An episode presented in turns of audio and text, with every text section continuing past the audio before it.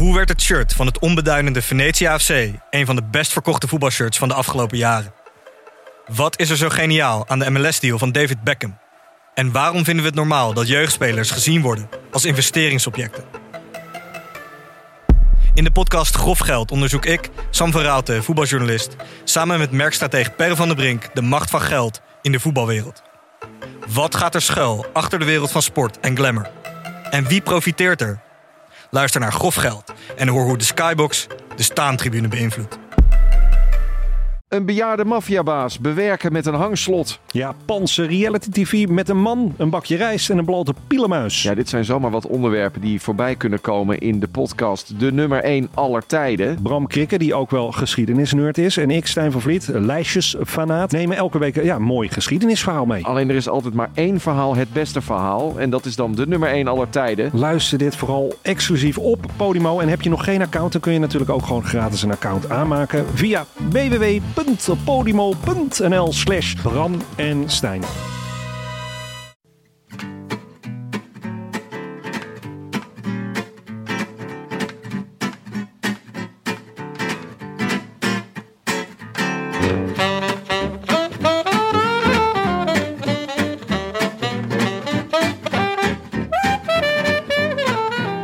Is donderdag 12 september 2019 en live vanuit de studio in het Vondelpark in Amsterdam is dit de Rode Lantaarn.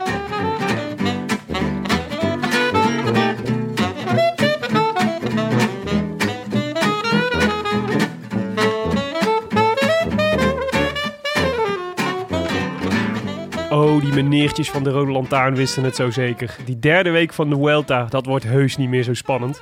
Koffertje vast een beetje netjes inpakken, souvenirtjes shoppen op het dorp. Misschien een klein sipje sangria uit de minibar. Vast even kijken of er zondagavond iets leuks te doen is in Madrid.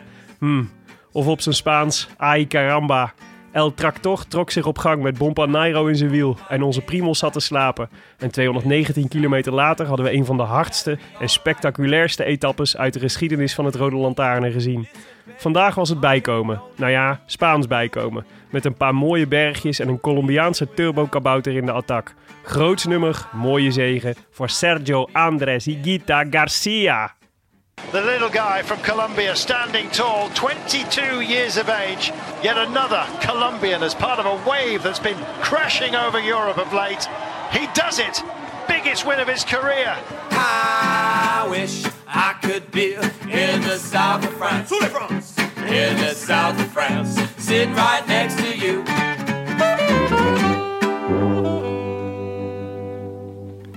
Willem, ik moest aan je denken op de heenweg hier naartoe. Ik fietste namelijk hier door het Vondelpark. En dan moet je zo'n bocht maken. En toen fietste ik langs een man. Die had een heel groot rek op de voorkant van zijn fiets gebouwd. Om daar zijn eh Basset Hound op te vervoeren.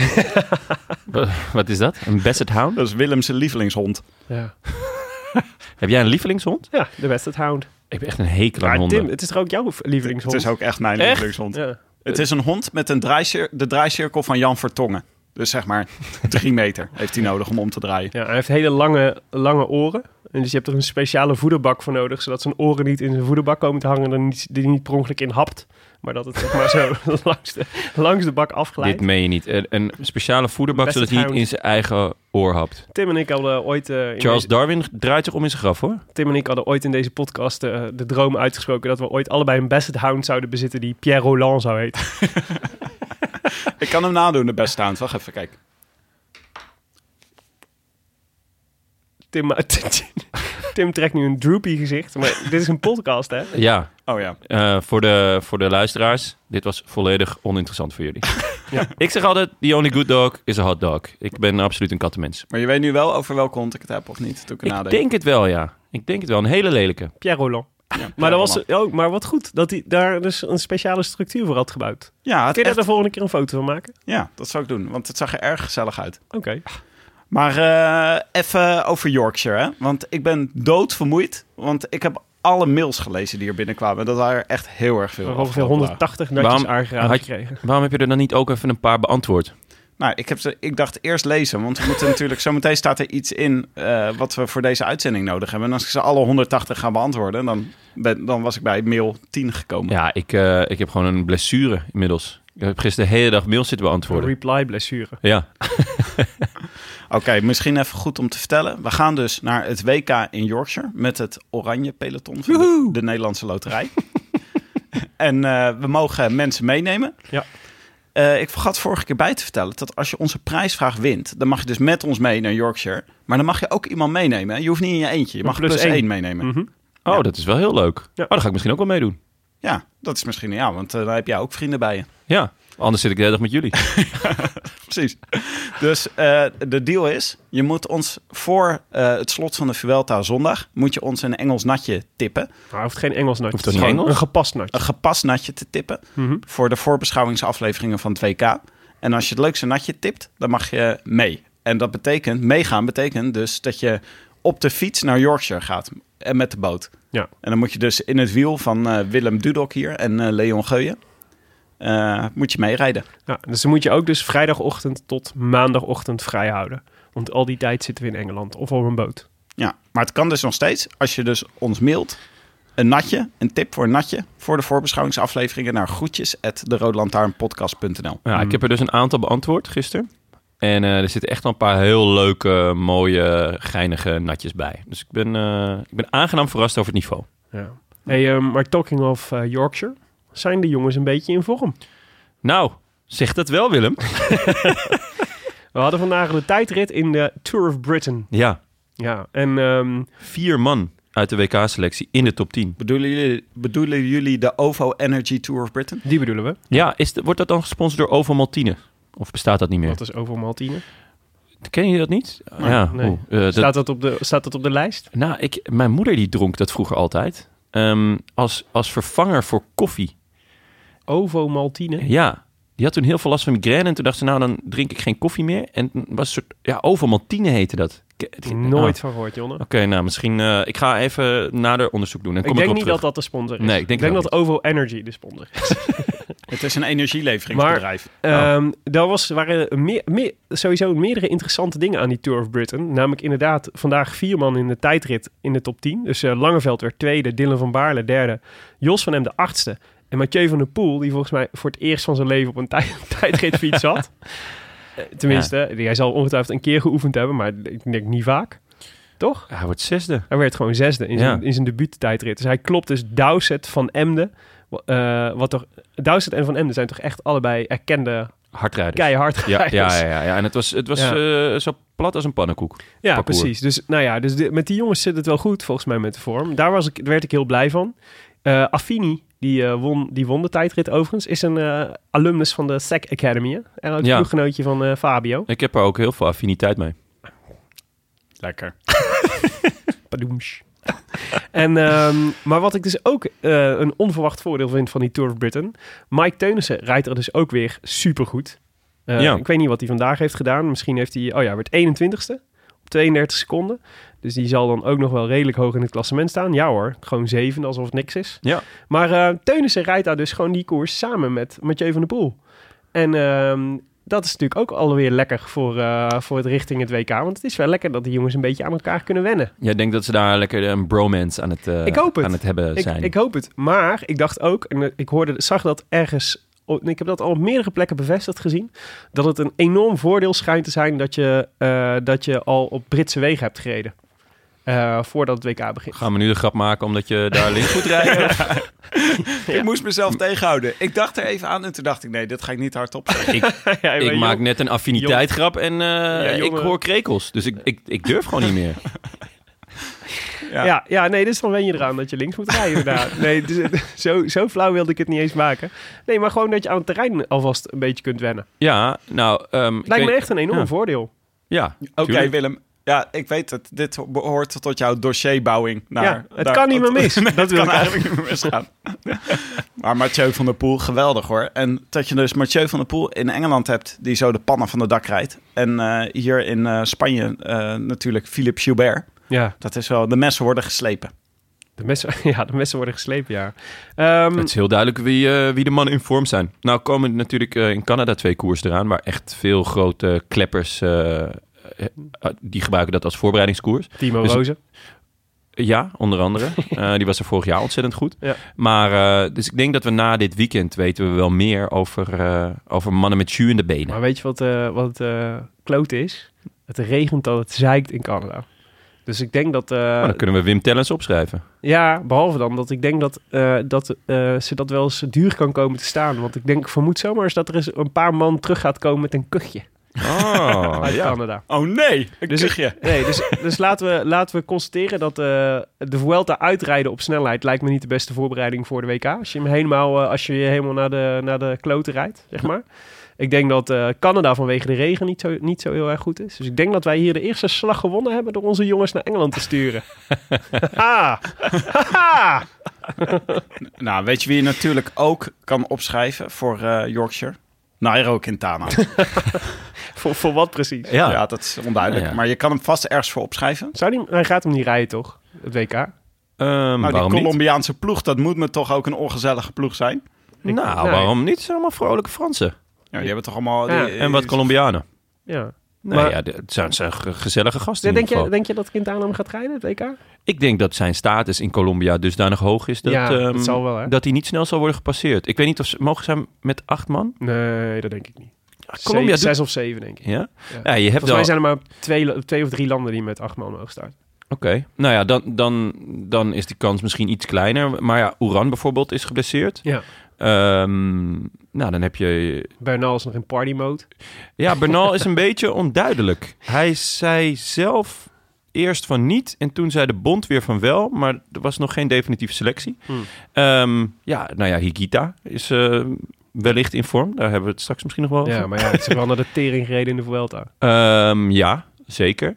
En die Felipe Martinez, die stelt eigenlijk een beetje teleur in de Vuelta. Daniel, heel eerlijk te zijn. Daniel Martinez. Daniel eh, Felipe Martinez. Het Philippe is een tweede naam. Jazeker. LEP. Jazeker. Oké. Ehm, ja, ik, ik, ik zie niet in waarom Quintana niet mee zou Nee, gaan. nee, het is meer... eh, wie hebben ze nog meer dan? Ja, terwijl ze- Ja. ja. ja, Miguel. Angel Lopez. Ja. Maar ik wilde eigenlijk even Ja, jij- aansnijden het onderwerp dat we dus naar iedereen foto's, ingelijste foto's van Nairo Quintana hebben gestuurd. Als je tijdens de tour een Canyon kocht, fiets van de show, of meedeed met de voorspelbokaal en won, Mhm. dan kreeg je van ons een prijspakket waar onder meer een foto van Nairo Quintana in zat. En eh, het duurde even, want eh, we moesten al die foto's in lijstjes stoppen en een goede foto uitzoeken. En eh, we moesten het prijspakket bij elkaar verzamelen. Maar ze zijn dus verstuurd. En nu zien we her en der zien we ineens foto's opduiken van... Ja, ik heb wel één op een nachtkastje gezien. Ja. En eentje op het toilet. Wat ik allebei echt uit, uitermate goede plekken vond voor een foto van Nairo Quintana. ja. Eh, maar ik, ik, ik zou zeggen, keep them coming. Ja, Als de- je ook een foto hebt gekregen van uh, Nairo Quintana van, eh, uit het Rode Lantaarnpakket, laat, stuur ons dan even een fotootje, eh, zodat we kunnen zien waar die nu staat. Zodat we eigenlijk een mooie, misschien kunnen we een soort van int- een interactieve kaart maken van alle Nairo-foto's in Nederland. Ja, dat is... Hè? Waar een is soort netwerk Nairo? maken. ja, Ja. Ah, het do- doet mij een beetje denken, een paar jaar geleden had je toch die, eh, die container met die rubber eentjes. Die, eh, die te water was gegaan. ja. En dat er toen echt duizenden rubber eentjes... eh, en die werden toen nog jarenlang in alle uithoeken van de wereld... waardoor ze ook allerlei zeestromen in kaart konden brengen. Dat die daar dan al- af en toe dan duikt er weer een eentje op. En eh, ja, zo voelt het ook met Nairo. Oké. Nairo Quintana bad eentjes. Dat lijkt me ook leuk. Lijkt me doodeng. Goed.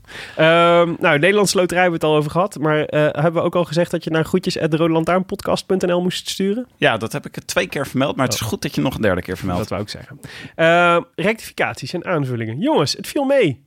eh, dit keer. We hebben niet zoveel fouten gemaakt. Nou, paar, halleluja. eh, een paar- mag in de krant. Een paar kleintjes, zou ik zeggen. Ik had bijvoorbeeld gezegd dat ik, het, ehm, dat ik Gilbert de wereldtitel meer, eh, meer eh, gunde op basis van zijn palmares dan, dan dat we het Vogelsang zouden gunnen. En ik liet daarbij onvermeld dat Gilbert natuurlijk al een keer wereldkampioen is geweest. In Nederland, notabene. In Valkenburg, Ja, notabene. Ja. in 2012. Ehm, nou moet ik jullie natuurlijk even over horen. Wie werden er tweede en derde? Zonder te kijken, Tim. Oeran, Oeran. Nee. Nee, dit was een WK. Hij was, in zijn eentje was hij weg. En eh Boris van Hager klopte Valverde nog eh, voor eh, de tweede plek. Zo, Ja. En wie, wie werd de vijfde, Jonne? poeh, geen idee. Mollema. Lars Boom. Lars Boom. Echt? Lars Boom werd vijfde. Werd, Meen je niet? werd geklopt in de sprint door eh, John John Degenkop. Wow, toen was hij natuurlijk nog niet aan het typen. Eh, nee. nee, precies. Vijfde op het WK. Ik was Ja. het ook alweer vergeten, maar werd Dat, is wel, eh, dat was mij he- echt helemaal ontschoten. Verder, Jonne, de Poolse wielrenster waar wij allebei naar op zoek waren. Naar... Kwiatkowska, ja. Eh, ja, Kwiatkowskaja, ja. Die, eh, naast eh Nieuwa Donna was eh, Ma- Malgorzata Jazinska. Ja, Ah ja. dat was mijn tweede gok. Ja, precies. Malgorzata Jazinska. We moeten hier even scherp op zijn, hè? want we gaan straks ook naar die vrouwenreis Ja, kijken. we moet- en eh, Ja, zeker. dan moeten we gewoon, eh, dan moeten we in één keer, zeg nog één keer, nu Jonne, zonder te Ma- kijken. Malgorzata Jarzynskaya. Oh ja. Nee, niet Jazinskaya, gewoon Jazinska. Ah, sorry. Dat was mijn eh, Russische inborst. Jazinska. Mooi. Ja. Mooi gedaan. Eh, maar er zijn vast nog meer Poolse vrouwen. Die mogen jullie allemaal uit je hoofd leren voor de komende voorbeschouwingsaflevering. Dan eh, jouw afdeling, Tim. Als eh eenmanssenaat van Dispuut Uilenbal. Juist. Eh, er kwam een aanvulling van Frans de Vries. Die, dat was degene die uh, Sepp Kuus als, als noviet had eh, aangemeld. Ja. Heet dat noviet? Feut. Feut. Of iets.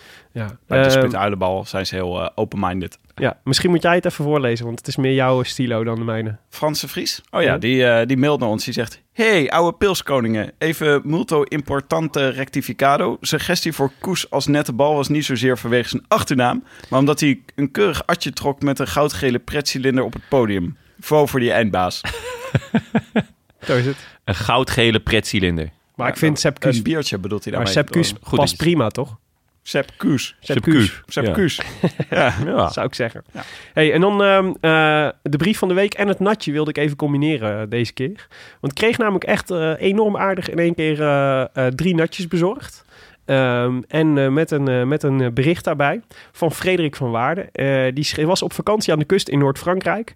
En die ging in plaats van de grote merken bieren eens kijken bij de lokale biertjes. Hadden verschillende flesjes bij de Carrefour ingeladen en gingen er dan elke dag eentje testen. Waarbij natuurlijk uiteraard goed gekeken werd naar het koolzuurgehalte, de kleur, de grootte van de, schuimka- sch- sch- grootte van de schuimkraag. Als waren ze echte Dutch Dart Vaders. Maar het gaat natuurlijk om de smaak. En daar kwam de La Raoul als beste uit. Ehm, eh, dus bij het volgende bezoek aan de Carrefour hebben ze groot ingeslagen. Eh, en vervolgens eh, gaan ze, zijn ze gaan zoeken naar wat, wat de oorsprong van het biertje was. Maar het bleek toch eigenlijk van een grote brouwer te komen. Maar genoemd naar Raoul de Godewaarsvelde. Oh. Een, een zanger uit Lille, een bekende zanger uit Lille uit de jaren 70. Ja. Zoek het niet op op YouTube, want het klinkt niet best. Nou, dat heb ik lekker wel gedaan. Het klonk best prima. En het verhaal achter het biertje is dan wel niet zo goed. En er is ook niet echt een link, van link met de koers. Maar de smaak vond ik lekker en fris. En het etiket vond ik ook mooi. En ik wilde ze graag aan jullie geven. Nou, Aardig, hè? sympathiek. Dat is echt heel En leuk. wat Frederik voor- van Waarde. Wat voor muziek gegeven. moeten we aan denken bij Raoul de Godewaarsvelde? Leuk dat je het vraagt. Tout près du Cap Griné, quand j'ai fini de pêcher, on se retrouve chez Léonce, en Léonce. On mesure les poissons en vidant des canons, et l'on passe vite le cap car ça tape. Ja, ik, eh, ik vind het wel lekker eigenlijk. Ik voel hem ook wel hoor. Ja, Ja, het is overigens niet zo goed afgelopen met de beste man. Want op, de, op zijn vijftigste werd hij gevonden hangend aan een dwarsbalk in zijn huis. expres of per ongeluk? Eh, nee, nee, hij had zelfmoord gepleegd. Oké, nou ja. Ja. Oh, dat is ongelukkig. Dat is ongelukkig. Ik Maar- wilde de sfeer niet meteen bederven, maar ik dacht, Maar je moet- wilde kan, toch niet een onver- kan niet onvermeld gelaten. Mijn bier is ook gelijk doodgeslagen, eh, Willem. Sorry. enfin, Wel, jongens, lekker, wel ik, lekker nummer. ik ga hem eh, opentrekken en dan ga- kunnen we hem zelf, eh, dan kunnen we hem zelf eh, beoordelen. Voordat we het over de rit van vandaag hebben, moeten we het misschien even over de rit van gisteren hebben. Cheers. Proost op waaiers. Oh, die is lekker, die is lekker koud ook. Ja, hij heeft de hele dag in mijn koelkast gelegen. Koude Raoul. Wat wil je nog meer? Ik ben benieuwd hoe die smaakt. Nee, ja, die rit van gisteren, jongens. Ik had heel groot Wajo opgeschreven. Ja. Ik moest aan Sam Omer denken. Ja, Eh, maar eh, mijn hemel. De snelste rit boven de 200 kilometer ooit gereden. ja. Eh, wat een waanzin. Daar is dus een prijs voor, hè? Echt? Ja, de gele wimpel heet dat. Die eh, wordt, dat is dus, de, dat is dus eh, eh, een prijs die bestaat dus al sinds 1936. Ook door Henri Desgrange. Die moet- naam moet jou bekend Ja, voorkomen ja, vanuit zeker. toe. Eh, in het leven geroepen aan de winnaar van de snelst verreden wedstrijd over een afstand van meer dan 200 kilometer. En dat was deze. Echt? Ja, Wat vet. Ja. Maar het was ook... eh, nog nooit zo hard gereden. En weet je wat, eh, wat, wat de snelste race daarvoor, het snel, wie de, wat daarvoor het snelst was? Geen idee. Trentin in Parijs Tour van eh, 2015. Oeh, dat was een goed jaar van Trentin toen, toch? Ja, en eigenlijk is altijd, bijna altijd, is Parijs Tour de snelste, de snelste koers van allemaal. Zeg maar, bijna alle, alle eh, gele wimpels zijn gewonnen door renners die eh, de Parijs Tours reden. Want heb je daar altijd rugwind of zo? Ja, kennelijk. Maar daar rijden ze altijd in ieder geval. Er wordt in ieder geval altijd snoeihard gereden. Oh. Alleen eh, Parijs-Roubaix en Parijs-Brussel. Je moet altijd vanuit Parijs vertrekken. Het is de eerste keer dat er, dat er iemand de gele wimpel wint zonder dat de koers uit Parijs is vertrokken. Dat is een mooie statistiek. Ja, Ja. maar Trentin had dus ook een, eh, een stickertje op zijn fiets. Met een geel wimpeltje. En dat was omdat hij die prijs, eh, omdat hij die Ja? prijs had. En dat blijkt hij dus al vier jaar te hebben. En nu moest hij hem inleveren bij Philippe Gilbert. Want die heeft hem nu. Ah, daar zal hij ziek van En zijn. dit is dus ook de eerste keer dat, er een, dat de gemiddelde snelheid boven de 50 km per uur lag. In een wedstrijd eh, van meer dan 200 kilometer. Ja, het was echt... Om even aan te geven. Ziek. Ja, Ja, het was echt belachelijk. George Bennett zei overigens dinsdag al, zei hij, eh, dus een dag voor deze, voor deze etappe, zei hij: Tomorrow is scary. Tomorrow scares the shit out of me. 220 K's, till crosswind all day, super windy, open roads. That's the most dangerous situation for us at the moment. En dan bedoelt hij natuurlijk Jumbo-Visma mee. Ja. ja. Nou, dat bleek. Ja, toch gek dat ze dan niet, eh, er niet zo heel scherp op waren. Nee, Althans, vooral- Roglic niet. Nee, vooral omdat... Dus ik hoorde net de cycling podcast. Waarin eh, ze zeiden... Ze waren Roglic bij de start tegengekomen. En die had gezegd... We're going full gas today. Maar bedoelt Dus hij daar Jumbo mee of het peloton? Nee, het, eh, nee ze bedoelde, de, hij had overduidelijk bedoelde die Jumbo, zeg maar. Dat ze, dat ze, eh, want ze, hadden, ze zeiden dus, want het wordt, een, eh, het wordt een heftige dag met al die crosswinds en zo. En wij gaan, eh, wij gaan koers maken. En het schijnt dus ook dat er best wel wat Jumbo-Visma's bij zaten in die eerste groep. Maar Roglic niet, dat ze zich daarom moesten terug laten, terug laten zakken in, in de groep. Dus Roglic heeft zelf zitten slapen. Ja, hij, st- hij stak achteraf ook hand in eigen, in eigen boezem. Een eigen Lycra broek. Ja, daarin ja. En hij zei, ja, ik zat niet goed. Wat ja, eh, heel raar vind. Maar aan de andere kant, hij zat wel bij de andere grote kleppers. In een waaier is natuurlijk ook maar beperkt plek. Ja. Dus ehm, niet, niet iedereen kan in die eerste waaier zitten. Maar het schijnt ook dat het al na 800 meter gewoon brak. Eh, en uiteindelijk Na 800 meter vanaf Ja. de start. vanaf de start, ja. Dus dan eh, ben je, je stapt op je fiets en je klikt even net niet goed in je pedaal. Ja. En je, bent, je hebt de slag al En verloren. ze zeiden ook allemaal, als je niet bij de eerste 40 renners stond op, op de startlijn, zeg maar, dan had- kon je het vergeten. Alles daarna is gewoon, eh, is, heeft het per definitie niet gehaald. Ja, maar ja, dat, dat is, is in zijn rode trui stond hij natuurlijk wel bij de eerste 40. Ja, ja, ja maar kennelijk is hij meteen teruggezakt. Of, Ja. ja. Ja, het is, ja, het is echt heel gek. Ja. Maar het is heel moeilijk om eh, over die rit van gisteren te zeggen wat er het vetst aan was. Want er wa- was zoveel ploegenstrategie bezig. Ja. Ik bedoel, Mobistar heeft echt een truc uitgehaald waarvan, eh, nou, waarvan ik niet wist dat Mobistar het in zich had. Mhm. Astana was, eh, was flink aan het huishouden. Nou, ik vind dat Astana... Quickstep eh, heeft, eh, heeft natuurlijk eh, uiteindelijk gewoon eh, het, het allerbeste gedaan van alle ploegen gisteren. Ja. Die liet even een showtje zien. Maar wat, wat, wat versta je onder huishouden van Astana? Nou ja, dat eh, dankzij As, ik denk wel dat dat klopt. Valverde zei achteraf dankzij Astana, omdat die weer gingen rijden toen er ook iets achterop was. eh, ja, die, die hebben toch eigenlijk juist, nou ja, misschien niet hun eigen glazen ingegooid, maar de kans om Roglic kapot te maken. Ja, maar gaan Ehm, voor het podium voor Lopez, dus dat was, eh dat Ja, was dat- heel erg goed. Dat vind ik heel raar, want Lopez heeft voor de, deze Vuelta een, eh, een interview gegeven met... eh, ik, ben, eh, ik ga niet meer rijden voor een podium. Ik ben hier voor de winst. En dan op Ja, het je moment dat je met z'n allen tegen Roglic rijdt... Ja. je hebt een kans om hem, om hem echt aan gort te rijden. Misschien niet deze, deze Ja, maar etappe. Jonne, je gaat toch niet als je loopt. Stel dat je Lopez bent en je zit in die, je zit in die tweede groep, dan ga je niet zeggen als Roglic maar verliest. Ik hou mijn benen stil. Ja, tuurlijk wel. De- de- we hebben het hier vaak genoeg gehad over dat je moet bluffen in de koers. Ja, maar dat is toch En niet in het uiteindelijk- belang. Ja, maar het is toch gewoon niet in het belang van Lopez om dan niet te gaan rijden. Maar het is wel in het belang eh, van Lopez om, om Roglic eh, uit te putten. En eh, ik, ik vond het gewoon heel raar dat uiteindelijk wordt hij door nog een, door een heel vette move van Movistar wordt hij geïsoleerd. En eigenlijk wat, wat Astana's gelijk doet, die, die, die, die gaan rijden. Ja. En natuurlijk is het, is het niet direct in hun, in hun, in hun eh, belang ehm, om, om Quintana te laten rijden. Maar het is de manier om Roglic eh, uit te putten. Dus Ja. wa- stel, dan was hij vandaag en de rest van de week gewoon een stuk kapotter geweest. Ja. Het is een diepte-investering die je moet doen. Maar het is vooral, er werd gewoon niet gebluft. Ze gingen gewoon keihard rijden. Ja, maar dat, eh, om nog heel even samen te vatten wat er gebeurde. Want eh, het brak dus al heel erg snel. Eh, Jumbo-Visma die, ging, die, zat op zich, die reed op zich vrij goed voor Roglic om hem weer terug te brengen. Maar Mobistar die had het door dat ze hun motors helemaal leeg aan het rijden waren. En toen kwam er één bergje aan en toen ging Mobistar keihard gas geven op dat ene bergje. Waardoor die, de grote motoren van eh, Jumbo eraf moesten en Ja. Roglic ineens in zijn Nou ja, zat. ik denk dat je in ieder geval kunt concluderen dat eh, de ploeg van Jumbo-Visma is, nam- is natuurlijk met uitzondering van eh, Martin en Hofstede, zou ik zeggen. Maar de rest zijn allemaal klimmers. Ja. Dus het is soort, de, die, de, is maar zeer beperkt. Dus als je dat vergelijkt bijvoorbeeld met wat Quickstep daar voorin had zitten aan motoren. En aan, eh, aan eh, grote, zware, echte rouleurs, zeg maar. Dan valt, het wel, dan valt het wel tegen wat je dan vervolgens als Jumbo-Visma daar tegenover kan zetten. Ja. In, de- in dit soort ritten. Maar daarom was het juist dit toch het moment om, om Roglic en, en zijn ploeg dus eh, dusdanig kapot te, te slopen eigenlijk. Misschien niet dat, Maar- niet dat je daar in deze etappe heel veel mee wint, maar in de rest van de, Ja. van de koers Nee, natuurlijk maar wel. he- helemaal Maar eens. Maar het dus de, de, de, de twee scenario's waren...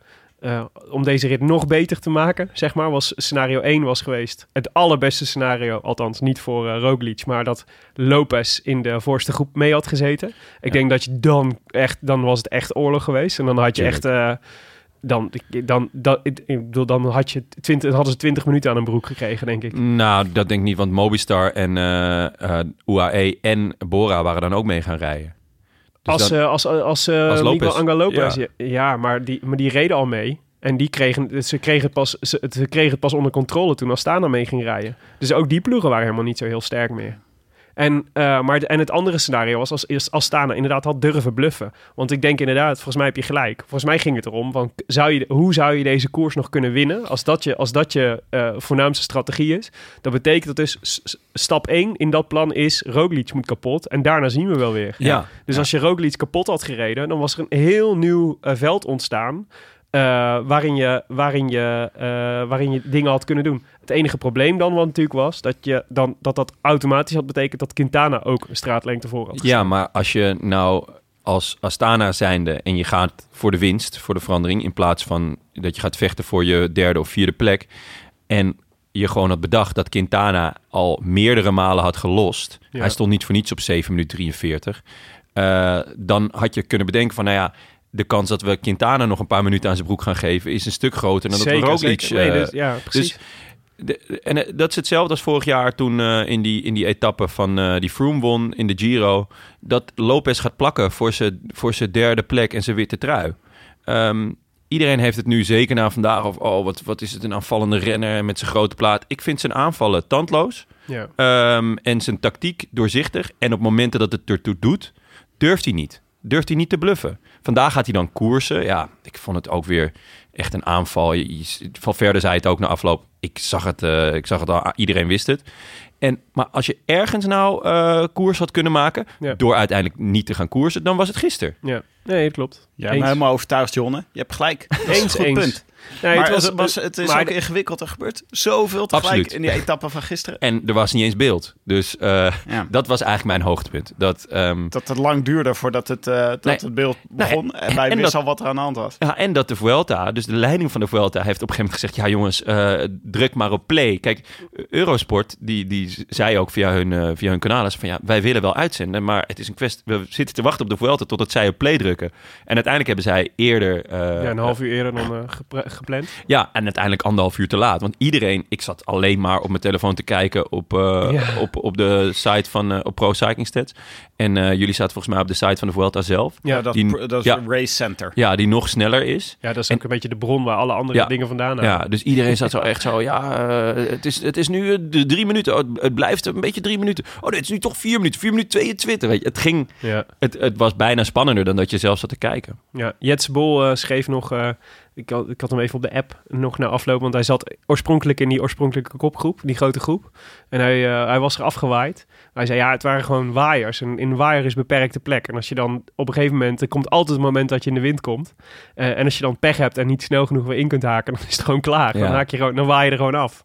En, eh, Dus dan laat je echt een meter of zo. Want ik heb wel eens zo'n... ja, Er zitten een, paar van die, eh, er zitten een paar van die onderzoekers op Twitter... die met dat eh, Ja. onderzoek bezig zijn van hoeveel het dan scheelt als je in iemands wiel zit. Ja. Maar dat scheelt in een normale, zeg maar, eh, niet waaier-etappe, scheelt het al zo ontzettend veel. Ik, we moeten eigenlijk een keer vragen hoeveel het in een waaier scheelt. Ja. Want het wekt de indruk dat als je dan, je laat je dan zo van de kop, laat je afzakken, dan moet je achteraan, moet je gelijk weer inhaken. Ja.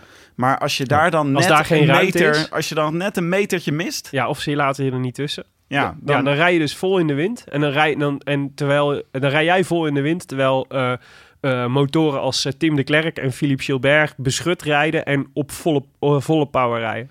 Ja, dus moet je je voorstellen. Dan laat je een halve meter en dat wordt een meter en dan twee meter. En dan is het gewoon klaar. Ja. Dat is keihard. Maar het is wel, daarom zo jammer dat we het niet gezien hebben. Want er moet Ja. echt spektakel zijn geweest.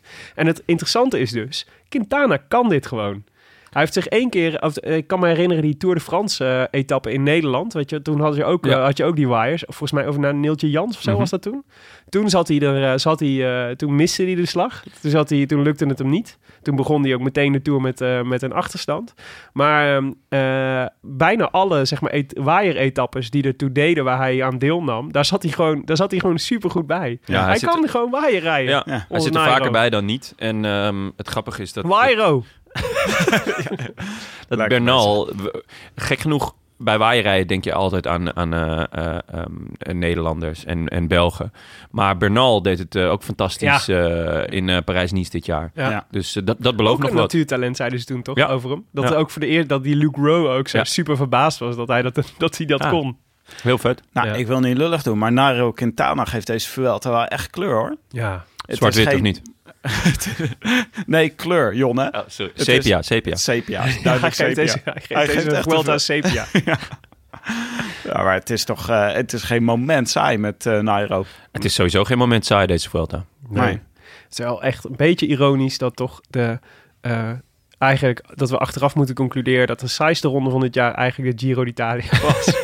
Ja, maar dat, is, dat geeft extra hoop voor volgend jaar. Want ik ken, eh, we kennen de, de organisatoren van de Giro langer dan vandaag. ja. Die zien dit ook en die denken dat... Die zitten eh, mokkend te kijken. die, dit gaan we niet nog een keer espressootje. Ja, inderdaad ja. Ja, maar, ja, een, een- maar een waaier-etappe kan je niet plannen. Dat is wel jammer natuurlijk. Ja, wel. Je kunt ze Nou. over vlakte sturen waar het vaak waait. Ja, gewoon Ja. over een snelweg. ja, Of, of gewoon een bos kappen. Ja, een ergens. bos kappen, dat is een goed idee. Ja. Je kan gewoon nu door Brazilië, kan je gewoon door de Amazone, kan je gewoon allemaal Daar waaier heb je een heel grote kans op waaieretappes. Echt een goed idee. Zeker. En doordat er geen bomen staan, kunnen we het makkelijk asfalteren. Ja, dit is, ik zie alleen maar winnaars. Ja. Ehm, overigens, de Leroy Jenkins Award voor, eh, voor, eh, van eh, gisteren, die ging wel naar eh, Sam Bennett. Ja, ja, ja, Zo. ik wilde hem ook nog even aansnijden. Wat was de bedoeling nou precies? Die, dat was, het leek wel alsof hij aanging en toen dacht, oh shit. Hij liet, zich- shit. ah, hij En liet dat zich was gewoon, eh, hij liet zich gewoon eh, verleiden, toch? Ze deden het heel slim hoor. De koning Quickstep met de Stiba weer. eh, die... Ik dacht eigenlijk, de, Sti- de Stiba gaat hier de Leroy Jenkins Award winnen. Wederom. Want het was ook niet de eerste keer dat hij te vroeg ging. Maar het was keurig uitgespeeld. Want daardoor moest, eh, moest, eh, voelde Bennett zich verplicht om heel vroeg aan te gaan. Kon Gilbert kon redelijk makkelijk zijn wiel houden. Wat ik ook weer indrukwekkend vond. Nou, naar zijn wiel toe rijden. Ja, oké. Ja, ja, naar zijn wiel toe rijden. En, en nou ja, maar hij klapte er wel echt heel, heel knap over. Ja, ik zat te kijken. Ik denk, wat doe je nou? Waarom ga je in godesnaam zo vroeg? Ik heb ook heel lang zitten twijfelen. Was het nou een fout van, Ja. van Bennett? Was het nou een blunder? Want ik zat te kijken en ik dacht echt, hè, wat doe je nou? Waarom ga je? Het is nog 600 meter, joh. Ja. Maar hij verklaarde achteraf van ja, ik was gewoon echt bang dat we Stibar niet meer gingen halen. Mhm. Eh, en niemand anders ging het doen. Dus moest ik het doen. En daarna was het eigenlijk alles of niks. Gewoon vol doortrekken. En ja, ergens... Kijk, Ja, Gilbert was ook... uit. Ja, en, en Gilbert was natuurlijk ook gewoon steengoed. Want de rest komt niet eens meer in zijn wiel. Dus het, ik zit er Ja. enorm in dubio of het nou een, een, een blunder of een fout was. Nou, Of de dat het kon niet gewoon... eens meer aan zijn wiel. Van wie? Van, van, Van Bennett. Nou, Ca- Cavagna?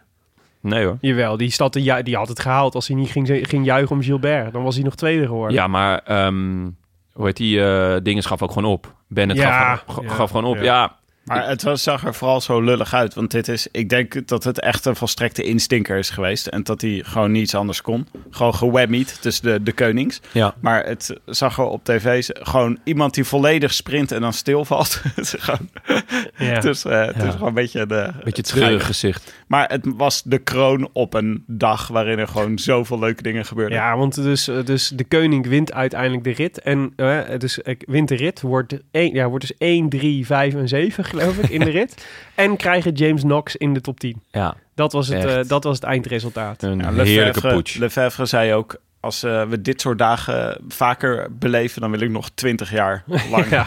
ploegleider zijn. Echt schitterend. Laten we het Maar, hopen. ehm, nou ja, dus dat voor een dag waarvan, eh, de, waarvan eh, ik aan het begin van de dag nog dacht... oh, de jongens gaan een tweede rustdagje pakken. nou ja, nou ja, zo zie je maar. Kan altijd iets gebeuren.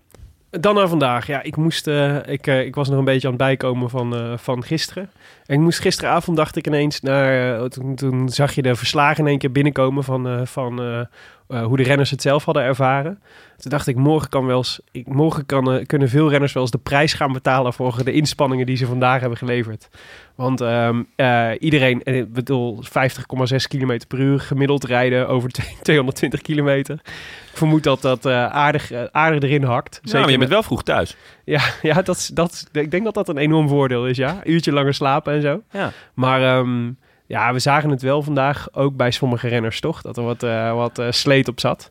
Eh, daar zal gisteren ongetwijfeld in hebben meegespeeld. Maar ehm, wat was het moment dat jullie eh, inschakelden vandaag?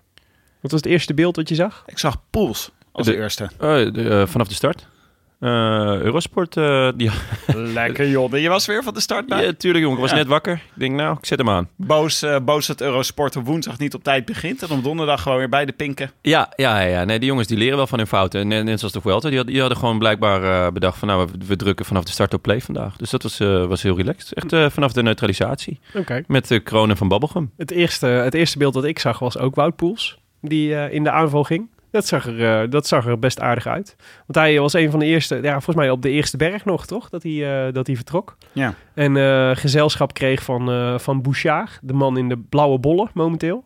Die eh, het bergklassement volgens mij zo goed als eh, binnen heeft. Ja, een opvallend eh, figuur. Ja, Die man eh, werkte vorig jaar nog eh, in, de, in het magazijn van de ja van, de, Decathlon. van de Decathlon, ja. ja.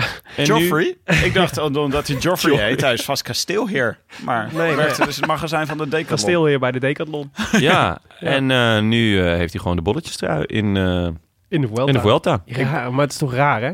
Want Ja. dit is wat, hebben we hem nou... We hebben hem denk ik één keer een, eh, een sprint zien winnen van Madrazo. Ja, ik... eh, En ik- nu werd hij tweede achter de- Poels op die berg. Ja, en, en Poels, die, die heeft vandaag dan een beetje zijn best gedaan voor de, voor de. Die staat gelijk vierde. Ja. Het, is, eh, het is wel... Nou, niet, niet om het heel erg te downplayen, maar het is wel een matig Bolletjes, ja. bolletjesklassement. Een Ja, matig een bolletjes. matig bolletjesjaar. Ja. Maar ik vind ook... Ik bedoel, in de Tour was het toch ook al echt... Heeft, eh, Bardet heeft ook één dag aangevallen. Ja, en het, maar het. het lijkt wel of dat er- vroeger waren er nog wel renners die dat soort van als, als hoofddoel hadden. Een soort van, dat, daar ga ik voor of zo. En het lijkt nu echt, dat lijkt nu echt derde garnituur, eh, een derde garnituurprijs. Ja, maar ik heb, ik heb ook het idee dat het komt omdat er niet zo heel veel punten te verdienen zijn. Eh, Nou ja, en dat er de hele tijd vluchten wegrijden. ja. Dus volgens mij worden heel veel punten verdeeld over een heleboel renners. Dus er zijn niet echt. Dus meestal zie je dan zeg maar dat een van de klassementsrenners eh, eh, wel eh, genoeg punten opraapt en dan op een gegeven moment maar besluit, besluit om daarvoor te gaan. ja. Maar dat is helemaal niet nu. Ja, maar ze moeten er iets anders voor verzinnen. Ik denk dat het leuk zou zijn om eh, iets te doen als... eh, wie heeft het meeste meters op kop van een groepje gereden bergop? Maar ja, Zoiets. Ja, dit lijkt me een klassement dat de Vuelta al lang heeft, alleen wat wij niet weten. Ja, inderdaad. inderdaad, de roze bollen. nee, ja het, het- inderdaad, het, het werkt niet echt. Het is, het, het, be- het, het is van een, een, een prijs met aanzien naar een soort van troostprijs gegaan... naar echt best wel een schrale, sch- Ja. schrale trui. Ja, en het is ook wat ik altijd jammer vind, is dat het is niet echt de bergkoning die wint. Hè? Nee. Waar, je, terwijl je zou zeggen met alle technische mogelijkheden, dus het zou toch prima mogelijk zijn om gewoon op een aantal bergen de klimtijden te meten. Ja, maar En die bij, elkaar, is- en die bij elkaar op te tellen en dan de beste. Dat is een heel goeie. en dan de- maar dan dat de zijn de klasse mensmannen. Dat, ik heb dit laatste... Ja, maar dat ik- zijn dan toch ook de snelste, de snelste Ja. klimmers? Ja, en dan maar- zou je toch zelfs kunnen zeggen, als je bijvoorbeeld pools bent en je gaat niet, je besluit van ik ga niet, eh, ik, eh, ga niet met de klasse mannen mee, kun je toch nog steeds besluiten in plaats van dat ik, eh, ik ga voor de bergtrui, ik ga niet met de klasse mannen meerijden, maar ik ga vanuit een achterstand zo hard mogelijk deze berg op Ja. en daarmee probeer ik de bergtrui te... ja, Ja. dat leek me een heel Lijkt me best wel tof. Ja, lijkt me best grappige dynamiek. Dat Poels dan in de bus gaat zitten. en dan ineens op die laatste berg een soort aanloopje neemt. En keihard die berg op fietst. Gewoon om een snelle tijd Maar dat is die toch leuk? Maar dan, dan Terwijl hij eerst nog een- Leroy Jenkins roept. Ja, ja, ja, ja, Maar waarom niet kommetjes? Dat zou ook kunnen. Ja, maar dat Die is toch dit een? Dat is het toch? Ja, dat is waar. Ja, maar ik denk, ik verduidelijk het even. Het is geen rectificatie, maar een aanvulling. Ja, ja. ja. Goed. Nou, hebben we dat probleem ook weer opgelost. Lekker Tim. Ja, maar Poels ging weg, kreeg eh, dus gezelschap van, eh, van eh, Bouchard, de bergkoning. Eh, en even later werd het een iets grotere groep, want er kwamen ook Theo Gegen- Gegenhardt, eh Mijntjes. Nou, Louis. Louis. Ik dacht heel even dat Mijntjes een etappe ging winnen. Ik had gewoon een moment dat ik dacht, zou me tegen Mijntjes Ik gok dat hij gewoon achtste is geworden, toch? Ja, hij is En- gewoon achtste geworden. En toen schrok je wakker en toen eh ja, het was reed Hoeveel- Louis even- gewoon weer buiten het zicht van de camera. Nee, maar even, is hij achtste geworden? Nee, hij is zevende geworden. Ah, dat is jammer. Niet de Louis Mijntjesprijs. Het is toch altijd leuk als de Louis Mijntjes Award naar, daadwerkelijk naar Louis Mijntjes gaat. Wie heeft de Louis Mijntjes Award dan gewonnen? Eh, wie is er achtste geworden? Eh Wairo Quintana. Ah, ja, ja, mooi. ja. Ook leuk. Eh, in die groep verder Ludwigson, Schulz en later ook Oliveira, Omar Freile, Koch, Paulus en Rodriguez. Eh, en zij kregen eigenlijk de zegen van het peloton. En toen gebeurde er weer heel lang niks. Een Ja. uitermate geschikt moment van koersdutje. Heb je, het- heb je het even, heb je een eltje geknapt? Ik ben heel even weggezakt voor de tv. Dat ge- geef ik Oh. eerlijk toe. Lekker. Ja. Ik was gewoon aan het werk hoor. Totdat mijn, eh, ik had mijn, eh, mijn dochter, die was bij me. En die was eh, de bobo aan het maken, aan het invullen. die op een Dat, gegeven is moment... dat konijn, toch? Ja, dat is een- zo'n magazine waar je dan allemaal spelletjes in Een kunt doen. magazine. Ja, ja, tijdschrift. Was het een Hoe noem- glossy? Hoe noemen jullie dat? in- Bobo de glossy? Hoe noemen jullie dat in Nederland ook alweer? Magazine. nou, dat is toch een heel normaal woord. Een maga- Ja, maar de Bobo is toch geen magazine? Is de Donald Duck ook Glossy. een magazine? Kinderglossy. Ja. Jonne, hou op met Brabant shamen. Dus laat Willem gewoon lekker zichzelf zijn. Ja, wij noemen dat gewoon magazine. de bobo. De Bobo. ja, ik schrok dus wakker op het moment dat zij kwam vragen om uitleg voor één bepaald eh, eh, opdrachtje in de Bobo. En toen, eh, toen zag ik, toen was, dat was net op het moment dat Lopez aanviel. Dus die intuïtie heeft ze al. Ja. Daar was ik heel trots op. Ik was ook wel even op dat stukje. Ik was ook gewoon emotioneel gesloopt van gisteren. Dus het was ook wel even zo. Even rust in de koers was ook wel lekker voor ons eigen humeur. Ja, maar om, om nog, om nog heel even terug te komen op je dochter. Voor die aanval van Lopez heb je niet heel veel intuïtie nodig. Die zag ik vijf dagen geleden ook al aankomen. Ja, maar als je vijf bent. Mm, Ja, oké. Eh, En, je zit- en diep in je Bobo magazine. Ik wou net zeggen, ze zat natuurlijk helemaal zoals gebiologeerd door, door Bobo de Glossy. Maar Ja. Jonne, ik wil toch graag er nog tegenover stellen dat Ja. eh, eh, het is hij vrij tandeloze aanvallen van Lopez, maar hij zorgt wel elke keer voor dat hij een vonk in het vat buskruid steekt, want de klassementsrenners, het was gelijk, er vliegen, al die knechten vliegen er gelijk af en dan is het klassementsmannen. Ja. En, eh, en dat is dankzij Lopez. Jawel, en, maar dan kom ik al heel snel eh, bij het land der blinden, waar één oog koning is. En hij staat gewoon in deze Vuelta geen, eh, geen... Hij staat niet eens op het podium. En hij komt hier om te winnen. Maar niemand laat hem rijden hoor. Dat ze, je zag ook gelijk. Nee, dus ze laten hem ook niet rijden. Dat snap, ik, dat snap ik ook wel. Maar uiteindelijk, weet je, dan rijdt hij zo 15 seconden voor, voor die andere gasten best wel lang. Ja. En natuurlijk, hij rijdt wat knechten eraf. En, dat, en als hij het niet doet, ja, dan zit je ook naar een goede gast te kijken. Maar maar het is een beetje, ik snap wel wat je Hij- bedoelt. Want het voelt ook als een soort herhaling van zetten. Want hij, Ja. doet, hij het lijkt wel alsof dat het enige is. Het enige wapen wat hij heeft is om een aanvalletje te doen en dan een tijdje, 15, 30 seconden Ja. voor, voor de groep te rijden en dan weer terug te zakken. Ja, maar ik heb echt het idee zelf- dat ik deze aanval al zes keer heb gezien deze Vuelta. ja, en, en ik, ik vind het... eh, Bardet doet dat ook altijd in de Tour. Weet je wel, dan is, heeft hij weer eh, rammend veel tijd verloren in de, in de eh, tijdrit. En eh, in de ploegentijdrit. En dan eh, staat hij weer heel ver achter. En dan gaat hij maar aanvallen omdat hij uit Frankrijk komt. En de hoop van Frankrijk is. En dan uiteindelijk denk Ga je, je ja, nou Bardet shamen in de Vuelta? ja, ja, Maar Even, is- even, even de trappie na. ja, We inderdaad. zijn, Bij deze, we bij, zijn een ronde verder, maar het houdt Jonne nog steeds bezig. bij deze rom, hè? Lopez is er niet ergens keihard doorheen gezakt. Dus dat is niet. eh, Hij dat is gelapt. Gelapt? In de tijdrit door eh Roglic. Ja, ja Gelapt. gelapt. Dat zou ook mooi zijn. Dat hij echt een rondje is ingehaald. Ja, maar het- wel ongeveer. Hij is gewoon ingehaald in de tijdrit. Nou, maar Lopez zei vandaag, zei hij, van eh, wat hij hoopt dat er gebeurt, is dat hij wegrijdt en dat er iemand met hem meespringt. En in de plaats daarvan liet Roglic Koes achter hem aanrijden. Sepp Koes. Ja, En, eh, maar hij had, Lopez had zelf gehoopt, weet je wel, dat Valverde dan met hem meespringt. En dat gebeurde niet. Dat is wel jammer, want het is gewoon voor ons als kijker is leuk als de klassementsmannen tegen elkaar gaan rijden. klopt. Maar misschien moet hij dan... eh, ik weet niet hoe goed eh, het Spaans is van Lopez. Eh, maar hij, kan spreekt. natuurlijk eventjes na- naast eh Valverde gaan rijden en zeggen... hey, Alejandro, Bamenos? Vamos. Ja, en dan eh, dat ze samen op pad gaan. Het ene betekent gaan we en het andere zullen we gaan. Dus jullie zijn een beetje hetzelfde. Oh ja. Ja, ik, ik vind... Ik vind Ja, netter. Netter, Netter. toch? Ja, wat- ik bedoel, het is een oude man. Je moet hem wel gewoon met de, met de juiste... Ramenos, senor. Ja. Eh, Senor Barbede. ja, nou ja. Ik, het, het, ehm, het is zo eh, ja, plichtmatig bijna, die, die aanvallen. En, en, en tandeloos uiteindelijk. Iedereen eh, roemt hem nu omdat hij, omdat hij aanvalt op 60 kilometer van de meet. Hmm. Maar wat is... Ja, is, Nou, het is een ik, aanval eh, van wil niks. Toch graag een, eh, ik wil, wil toch graag de andere, kant, de andere kant van dit verhaal verdedigen. Want ik denk wel dat hij vandaag ervoor heeft gezorgd dat hij kans maakt tot het podium. Want het, eh, later, bij een latere aanval, eh moest eh, eh, Pogacar, Pogacar, Pogacar, dat is Pogacar, Pogacar. en Poggi. Poggi. Poggi. En eh, Quintana toch even verstek laten gaan. En dat komt toch omdat Lopez eh, ze maar blijft aanvallen. Nou ja, tuurlijk. En, maar dat, dat is denk ik ook gewoon wel ehm, zijn niveau of zoiets. Hij is wel beter dan Quintana. En hij is ook nog wel beter dan Pogacar. Of Poggi. Ehm, maar daar gaat het wel gewoon ophouden, denk ik. Ja. En, ehm, en dat heeft ook gewoon te maken met, met, met keuzes in de koers. En ik vind, hij, hij lijkt heel aanvallend. Maar het is heel verdedigend zoals hij koerst. Ja. En dat, Nou, dat, dat stoort me gewoon. Ja, en wij nemen hem nog altijd kwalijk. Die ene Giro, dat Carapaz en Ja, nee. Lopez de hele tijd in het wiel van Dumoulin gingen hangen en geen kopwerk wilden doen. Tuurlijk maar dit dat- is ook in de context van een jaar waarin er eigenlijk niet echt bergop wordt weggereden door de klassementsmannen. Het is toch gewoon een jaar geweest als we achteraf terugkijken dat er geen klassementsmannen gewoon glorieus zijn weggereden en een etappe hebben gewonnen. Want eh, je gaat zien dat Pogacar ehm, deze Pogacar. Pogacar te- deze Vuelta twee etappes wint, maar waarschijnlijk niet op het podium gaat eindigen. En Roglic niet bergop een etappe wint.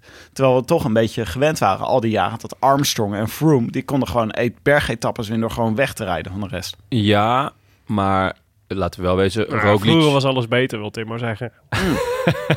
Toen- Soms vergeet men dat toen, eh, toen Boerenkool nog Boerenkool was. Ja, Ja, nee, daar, dat is helemaal mee eens. Het is nu niet meer te vreten. Maar ehm, eh, daarbij wil ik wel de kanttekening plaatsen dat Roglic de, die zegen aan Pogacar wel gewoon gunt. Ja. Eh, wat dat betreft een, een prima verdeel- en heerstactiek. Maar daar was Roglic wel gewoon weggereden bij iedereen. nou ja, maar niet bij Pogacar. Oké, touché. Maar eh, ja, maar dat is gewoon. Ik denk dat dat ook binnen de context. Ik bedoel meer dat er een context is waarin het heel moeilijk is voor de klassementsman om weg te rijden. Lopez probeert het en het is echt heel moeilijk. Je ziet vandaag ook weer dat ze. Ze laten zich niet gek maken. Ze blijven eigen tempo rijden. Dat kunnen ze heel goed. Ja. En eh, dan wordt Lopez gewoon. eh, ja, hij mag eh 30 seconden. Hij, heeft natuurlijk één ding voor zich pleiten, Miguel Angel. Hij rijdt bij Astana. Agastana! En daar zijn we per ploeg. definitie positief over. Volgens mij is alles positief bij Astana. Ja, nee, zeker. Ja, dan vind ik goed dat we daarmee eindigen. Eh, maar Pogacar had het dus moeilijk vandaag. Eh, echt, echt wel moeilijk. Ja. Ik dacht echt, eh, het is goed voor jou dat het niet nog een week duurt. Ja. Want dan zak je langzaam denk ik weg uit de top 10. Ja. Maar ehm, eh, ja, ik vond... eh, ik had dat eerder hetzelfde gevoel bij eh, Higita. Want die had namelijk ook even zo'n... eh, eh, die begon sterk aan de, aan de Vuelta. Ik herinner me nog die eerste sprint van hem. Weet je nog, dus dat die, ehm, dus die etappe die Quintana won... en waar hij in het achtervolgende groepje zat... en eh, Zo. en iedereen erop legde daar. Dat vond ik echt indrukwekkend. Toen dacht ik, dit wordt nog wat met Sergio. Maar ehm, eh, ik dacht eh, dat hij een beetje een inzinking had. Maar vandaag was wel weer echt super krachtig hoor. Ja, nou ja, het, wordt ook wel echt, Echt wat met indrukwekkend. Het, het, het wordt ook wel echt wat. Het wordt gewoon een heel vette renner. Eh, een, een superleuke punch heeft hij en een, en een leuke manier van koersen. Eh, blijven we wel bij ook weer het feit dat hij eh, niet kan tijdrijden. Eh, Ja. Hij k- kreeg 3,5 minuten aan zijn broek in de... In de Ja, dat is eh, echt te veel. Hij is, maar, Maar in his defense, hij rijdt daarvoor bij een goed team. EF Education die gaat hem dat wel leren, Ja. gok ik. Peter Schep hè? ja, ja. En ehm, eh, dus dat is, dat is denk ik positief. Eh, en eh, heb, je zijn, eh, heb je zijn benen gezien? Nee, ik heb wel zijn, shit. zijn hoofdje gezien. Ja, in de tijd dat hij nog Super bij eh, schattig. Manzano reed, had hij nog een beugel. Zo'n sterretjesbeugel. Slotjes. Vond ik echt lief. Toch slotjes. Slotjes. Heet dat sterretjes in, in, eh, in, waar, Ja, waar- weet in de taal niet. die jij praat? Ja, sterretjesbeugel. Maar wat ja. is, er met zijn, wat is er met zijn benen dan? Nou, dus, hij, dus dat is dus opvallend. Dus heel veel van die goede klimmers, die hebben allemaal van die hele smalle beentjes, zeg maar. Er zit wel heel veel kracht in, maar niet... Maar hij heeft echt benen à la Fabio Jacobsen. Dus het is, het is, soort, het is een hele gekke combinatie. Zijn bovenlijf is, is soort Nairo Quintana en zijn onderlijf is Fabio Jacobsen. Dus, dus Oh. jij zegt wat... eh, wat eh, ja, Best of dit- both worlds. Dit is een heel raar beeld. maar goed. Maar, maar eh, dus... Hoe heette die beest ook weer? Die half mens, half Centaurs. pauw? Hij is Ja. een soort centaur. Ja, ja, ja, dat is het een beetje. Maar de, dus, dus eh, eh, ik denk dat hij dat wel kan ontwikkelen. Want hij moet volgens mij wel de power in zijn benen hebben. Want dat zie je ook wel aan zijn sprint, zeg maar, dat dat lukt. Dus volgens mij moet... En als je hem vandaag ook ziet, de motor is groot genoeg. Ja, Dus was- het, zou, het zou mogelijk moeten zijn om van die jongen een goede tijdrijder te maken. het was heel knap. Hij hield gewoon die, die achtervolgende groep, hield hij gewoon continu op 38 seconden. Ja. Super knap. Ik moet de hele tijd denken aan die... eh, want Higita is ook weer zo jong. Hij rijdt... eh, een half jaar geleden reed hij nog bij... eh eh, Manzana Ma- Postobon. Ja, precies. Ja. En ehm, eh, dan moet ik de hele tijd denken aan Karsten Kroon... die toen in Live Slow Ride Fast de podcast vertelde over, het, over die rode bloedlichaampjes. Dat, omdat zij op hoogte geboren worden... ze meer eh, ontwikkeling van rode bloedlichaampjes hebben... en dus jonger beter zijn... Ja. Maar die eh, voorsprong verspelen naarmate ze ouder wordt. Of tenminste, die wordt niet groter. Het is gewoon een remmende voorsprong. ja, want de anderen kunnen nog op trainingskamp en daardoor dat inhalen. Ja, ja, precies. En ik vraag me dus echt af wat er met deze generatie gaat gebeuren. Want er rijden dus gewoon dit jaar... We kijken naar Bernal en we kijken naar Lopez en Higuita. Zo'n goede generatie en allemaal zo jong nog. Ja, Ja. maar de vuistregel lijkt een beetje dat zeg maar, als je uit Colombia komt, moet je eigenlijk voor je 26e alles doen. En als je uit Europa komt, dan is, dat, dan is het logischer dat je na je 26e alles doet. Ja, Behalve, en Pogacar is de uitzondering erop. nou ja, moet je voorstellen hoe goed die nog kan worden. Ja, Ja. Maar Slovenië kan je vast ook op hoogte wonen. Ik Ja. heb wel opgezocht of die Er zijn uit wel hetzelfde bergen, gebied inderdaad. komt uit, eh, als Roglic. Maar ze komen echt uit een ander gedeelte van Slovenië. Maar ja, Slovenië is wat? Vijf kilometer eh, hemelsbreed? Ja, ongeveer. en Ongeveer dan, wordt, Maden. en dan wordt mij eh, randstedelijke ignorance verweten. Eh, ja. Ongelooflijk. Correct. Walgelijk, echt Ah ja, wil je ontkennen dat eh, Slovenië een klein land is? Nou, ehm, Slovenië is een heel klein land. Dus het is, het is, Ik weet niet of dit een heel relevante Ja. discussie is. nou ja, het is wat- gewoon een feit. Maar een prachtige overwinning van Higita. en een prachtig land. Ik, eh, hij was, ja, omdat hij eerder zo eh, indrukwekkend was in die sprint, dacht je, nou, die gaan we later nog wel een keer zien. Maar ik dacht ook, hij is heel erg jong, dus misschien gaat hij er later nog er doorheen zakken. Ja. Maar ja, niet dus. Nee. Nee, het redt wel echt de meubelen voor EF Education. Hè. Die hebben echt een... eh, nou ja, ze, ze, ze leken eh, een eh, kleur te gaan geven aan deze Vuelta... tot die ene rampzalige dag dat ze zo'n beetje de halve ploeg in één keer eh, in moesten leveren. TJ, Oeran, eh, wie nog meer? Clark. Of uh, ja. Ja. ja. echt heftig. Dus hij redt het een beetje. Ja, En ik en constateerde vandaag ook toch weer... Godsamme, wat een prachtig shirt hebben die. zo, ja, absoluut. Ehm, maar trouwens, over redden gesproken, eh, hij, hij was gisteren een van de grote slachtoffers, hè? Ja. Want hij stond gewoon elfde en hij heeft gisteren 23 minuten verloren. Ja, ja. Dus wat, eh, wat dat betreft kan hij nog eh, wel ja. in de leer bij Bompa Nairo. Ja, maar, nou ja, maar je zou, je zou, nou je dat zou hij- kunnen zeggen wat goed. Hij heeft gewoon niet, hij heeft gewoon, hij geen een- niet te veel energie verspild. Ja. Want waarom zou je elfde kunnen willen Waarom zou je elfde willen worden? Misschien was het wel expres. Ik zou best wel graag elfde in de Vuelta willen worden. Maar zou je liever een rit winnen in de Vuelta? Zeker, maar ik denk dat ze hem ook wel hadden laten rijden vandaag als hij eh, nog eh, redelijk kort stond hoor. Maar had hij het dan gered? Dat is dan de vraag. Want hij heeft natuurlijk... Ja. Dat, dat denk dat... De, Nou, dat- kijk, eh, kijk Kelderman vandaag. Ik denk dat is die... Dat is... Ik maakte me echt zorgen toen ik... wat was het? Op 40 kilometer van de streep of zo... zag dat Kelderman al gelost was. Ja, En dacht, oh, hier gaat hij uit de top, top 10 kukelen. Ja, die heeft vandaag echt de prijs... En Nox ook. Die hebben vandaag echt de prijs betaald voor een inspanning van gisteren, volgens mij. ja dat is wel waar. Ehm, alleen, ja, dan nog is 23 minuten verliezen wel Ja, dat is, is veel. fors. Dat is veel. Dat is een hele aflevering buren. Die eh, overigens achter deze eh, alle eh, vervallen aflevering van Buren, die eh, worden na deze aflevering van de Roland Taar geplakt. Na deze podcast. Prachtig deeltje wat we gemaakt hebben met eh Sparta. Ja, nee, maar de, de- dus de grote verliezers vandaag, ja, Kelderman en Nox inderdaad. En Dylan Teuns ook. Ja, Eigenlijk pakken allemaal zo rond de vier minuten, toch? ah, Dylan Teuns nog wel meer volgens mij. Eh, ja, ik zie hem zo gauw niet. Ja, 11 minuten 46 verliest hij. Ja, dat is echt veel. Ja. Ehm, Ja, hij had is- ook al een beetje aangekondigd, toch? Dat hij, eh, dat hij, eh, hij ging proberen aan te klampen, maar het hoefde ook weer niet per se. hij is volgens mij een beetje een dubio. Ga ik me een beetje sparen en misschien nog voor een etappe Ja. en een beetje sparen ook met oog op het WK? Of ga ik echt knokken voor die tiende plek? En het lijkt... Het De lijkt keuzes gemaakt. Ja. Dat Ja. lijkt me wel. Ja, de vraag is een beetje of dat de keuze voor hem gemaakt is. En dat hij dus op tijd is met zich te sparen. Of dat hij eh, nu eigenlijk, dat hij, omdat hij niet echt een keuze kon maken, dat hij nu eigenlijk gewoon allebei niet krijgt. Ja, ja dat, dat is zeker de vraag. Enfin. Sergio Higuita wint dus de rit. Roglic eh, verslaat eh, Valverde nog even in de sprint. Dat was even, eh, even eh, om de eer, volgens mij. Ja, dat was wel even een... eh, Dat is even een alfa baffia Valverde, Valverde, kon het. Valverde kon het volgens mij niet heel erg waarderen dat hij, eh, dat hij nog langs zij kwam. Nee, ik vind het wel grappig dat de houding van Roglic wat dat betreft een beetje veranderd is. Ja. Kijk, de buiten wel een beetje binnen. Ehm moeten we natuurlijk voorzichtig mee zijn en eh, niet gaan jinxen. Eh, maar hij staat er gewoon wel heel goed voor, laten we het zo zeggen. Aan het begin van de Vuelta was ik nog heel erg een beetje slijmen bij eh, Alejandro. En van nou, van verder zo groot en dit en dat. En dan liet hij hem ook nog wel voor. Maar nu dacht hij, weet je wat? Na gisteren, je kan, de, pleur- je kan de pleuris krijgen. Ik ga lekker, ik ga dat sprintje wel met je aan. Ja. Wat ik wel leuk vond, want eh, hij won. Hij won Ja. hem gewoon. Ja, als, Toch? eh, ja, ja, ja, zeker. Ja. nee, dat was knap. Nou ja, dus ehm, eh, dat, eh, dat leidt tot de, de, eigenlijk de, de volgende stand. Roglic dus bovenaan in de Vuelta. Valverde op 2, op 2 minuut 50. Quintana 41 seconden daarachter.